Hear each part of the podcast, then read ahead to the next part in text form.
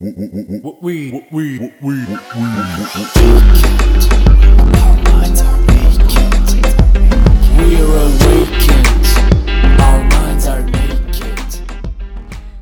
svima, ja sam Martina Đokić, a vi slušate podcast Mentalni nudista. Nalazimo se u epizodi broj 56, sezone 2. I u ovoj epizodi govorit ću malo o uslovljenostima koje kreiramo za kao neku, neka pravila u životu, odnosno nekim ako ovo, onda ono idejama i na koji način sve te ideje ograničavaju naše postojanje i naše funkcionisanje u ovom životu. I da kažem, ova tema je na neki način srodna ovoj prethodnoj, ali da kažem, govori sada ono malo o nekim drugim detaljima u tom polju tih nekih tih uvjerenja koje nosimo u sebi. Pa šta znači, šta znači uslovljenosti? uslovljeni, uslovljenosti su neka ograničavajuća uvjerenja koja na neki način nama predstavljaju neke smjernice kojih se mi držimo u životu, a kao što rekao, vrlo mogu da nas ograničavaju.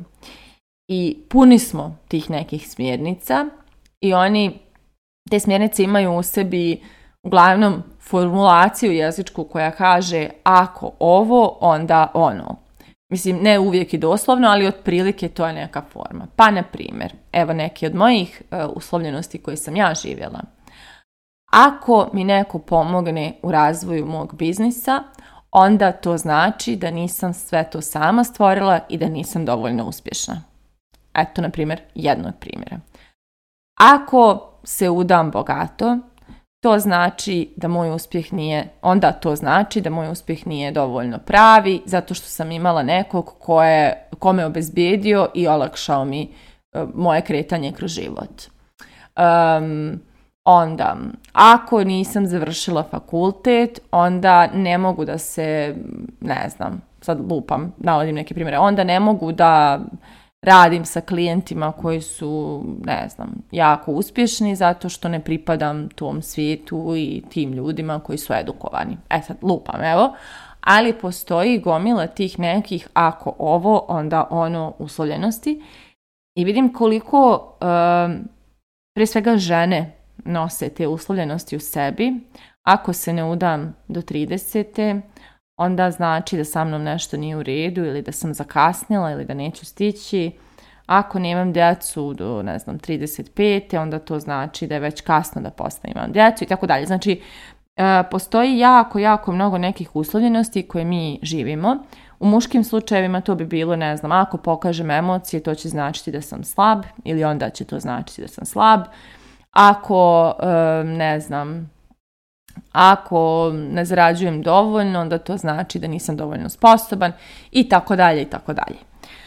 Ono što je cijela poenta, kada god sebi iskreiramo tu neku uslovljenost, mi sebi zauvijek zatvaramo neke puteve i neke opcije i neke mogućnosti koje možda jesu tu oko nas i daju nam ono, na usluzi su nam, ali mi biramo da to ne, ne uzmemo te prilike ili ne otvorimo se za te mogućnosti zato što se bojimo da će ispasti ono što ide nakon onda to znači pa nešto. Jeli? Znači, bojimo se da će taj drugi dio rečenice da se ostvari, a zapravo ništa od ovih stvari koje sam ja navela nisu tačne. Znači, to mogu da budu tačne, ali to je stvar našeg ličnog mišljenja, odnosno našeg straha da li ćemo mi ispasti dovoljno, ne znam, sposobni, važni, pametni, e, šta god, istrajni, uspješni i opet, kao što rekao, kao je srodno sa onom prethodnom epizodom, opet smo oslonili cijelo svoje postojanje na neke signale spolja, koji treba da dokažu da li smo mi sposobni, pametni, uspješni, vrijedni ili šta god, jer e, ako postupimo na ovaj način, onda će ispasti da to nismo. I ta igra je tako prokleto naporna. Zato što nismo došli na ovaj svijet da se dokazujemo da li vrijedimo, to uopšte ne bi trebalo bude pitanje. Znači, to da li vrijedimo nismo mi s tim pitanjem došli na ovaj svijet. Da smo mi se bojali da li dovoljno vrijedimo, ne bismo kakili ugaće, vrištali u ponoći i činili da se sve, čitav svijet vrti oko nas i da moraju nama da brinu, a dok im mi ono, ne damo da spavaju i dok im ono, bukvalno propaštavamo bioritam, znači da nismo osjećali da dovoljno vrijedimo, ne bismo se tako ponašali. Ono što se posle desilo da su razne neke uslovljenosti kojima smo učeni, Uh, iskreirale u nama ideju da mi moramo budemo uslovljeni u životu, odnosno ako dobijemo peticu, onda smo dobro dijete i dobit ćemo nagradu, ako, ne znam, upišemo ovaj ili onaj fakultet, uh, roditelji će smatrati da smo uspjeli, ako ovo, ako, ono, znači, ta uslovljena perspektiva ljubavi i naše vrijednosti je naučena. I onda smo mi negdje usvojili to kao jedinu ispravnu perspektivu i onda nakon što su drugi prestali da nas uslovljavaju ili nisu, možda nas i dalje uslovljavaju naši roditelji, partneri, prijatelji i tako dalje, ali onda smo i mi sami sebe počeli da uslovljavamo i da sami sa sobom kreiramo tu uslovljujuću ljubav. I onda doslovno mi sami sebi branimo neke lakše načine zato što se bojimo da će to da dokaže da se mi nismo dovoljno iscimali ili da nismo dovoljno zasukali rukave ili bili dovoljno vrijedni ili bili dovoljno pametni ili šta god i onda nećemo prosto biti mi na nivou zadatka i nećemo biti neka verzija koja je tako eto na nivou. A tužno je što sebi ukidamo mogućnosti da kroz ovaj život idemo na neke ljepše, inspirativnije, laganije načine, jer onda samim tim mi smo sebi objasnili da ovaj život jeste neka neki, neki vječiti izazov s kojim treba, koji, koji nas stalno challenge da se mi tu nešto dokažemo, a ne mora biti tako. Sasvim je u redu da nam neke stvari dođu lako i sasvim je u redu da uživamo u lakoći toga, i sasvim je u redu da prigrlimo tu lakoću i ne, to što su nam neke stvari došle lako ne znači da mi nismo bili dovoljno sposobni da ih steknemo, nego da smo bili dovoljno pametni i otvoreni da ih privučemo ili da, se, da, da, da, ih prosto dovedemo u svoj život na lagan način. I ne znam tačno kako je došlo do toga, mislim znam, ali ajde kao postavit ću ovo pitanje, kako je došlo do toga, mi toliku potrebu imamo da se stalno nešto dokazujemo, čak i sami sa sobom i da na taj način tim uslovljavanjem konstantno kreiramo tako mučnu perspektivu života u kojoj ništa nije tu da nama olakša i sve je tu kao neki lavirint u kojem moramo da pazimo na svakom skretanju, u koju ćemo stranu, da ne bismo ispali manje vrijedni ili manje sposobni. I tužno je, zaista je tužno što je tako, jer onda kada svedemo sve na jednostavnost, vi morate da shvatite, mi smo se rodili na planeti koja nam je dala sve.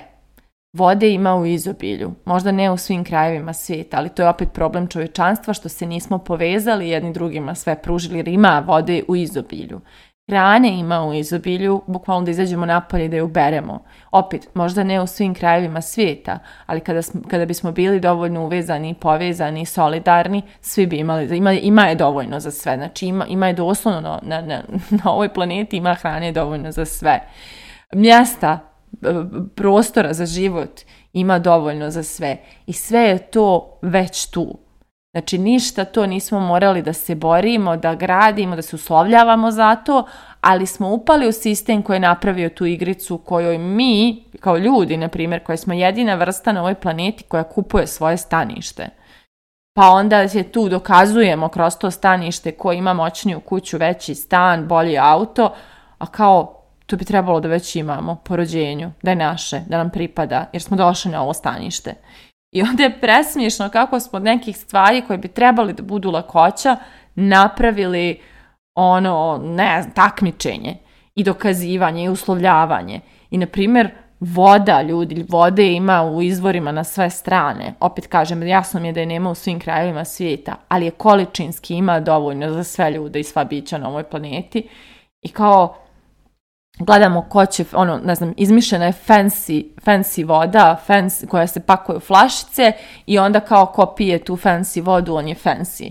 znači, eto, toliko, toliko smo uslovljenosti iskreirali da smo uspjeli one jednostavne stvari da pretvorimo u jako komplikovane i da se zatvorimo i za tu vrstu lakoće, a zamislite tek kad smo tih bazičnih stvari iskreirali teškoću, šta smo sve još uspjeli da zakomplikujemo.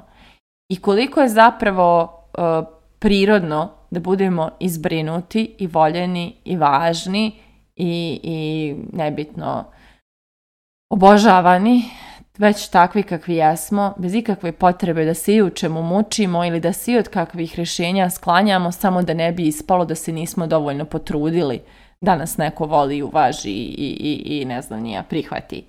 Tako da baš, baš onako uslovljenost jedna velika bolest ove planete i živjeti uslovljenost jako je tužno, jako je teško, jer samim tim zaustavljamo jedan jako značajan kanal, a to je kanal za primanje, za primanje ljubavi, za primanje blagoslova, za primanje pomoći, za primanje podrške. Znači, svak, u svakom segmentu svog života gdje postoji neka uslovljenost koju smo ili pokupili svoje kući ili iskreirali negdje usput, tu je taj kanal zatvoren i mi smo prije zaustavili dotok nečeg tako divnog i lijepog što bi moglo da dođe ka nama, ali mi prvi smo ti koji ne vjerujemo da to zaslužujemo i mi prvi smo ti koji smatramo da ako primimo tu, ne znam, lakoću, podršku, ljubav, pripadanje što god, da će ispasti da se nismo dovoljno cimali ili da nismo dovoljno bili, ne znam, nije vrijedni pa da napravimo sebi nešto tako sa svojih deset prstiju. tako da, moje pitanje za kraj ove epizode jeste koje sve uslovljenosti živite i da li ste spremni da ih se odreknete ili vam se i dalje malo takmiči u dokazivanju toga da vrijedite. Mislite o tome, a mi se družimo u narednoj epizodi.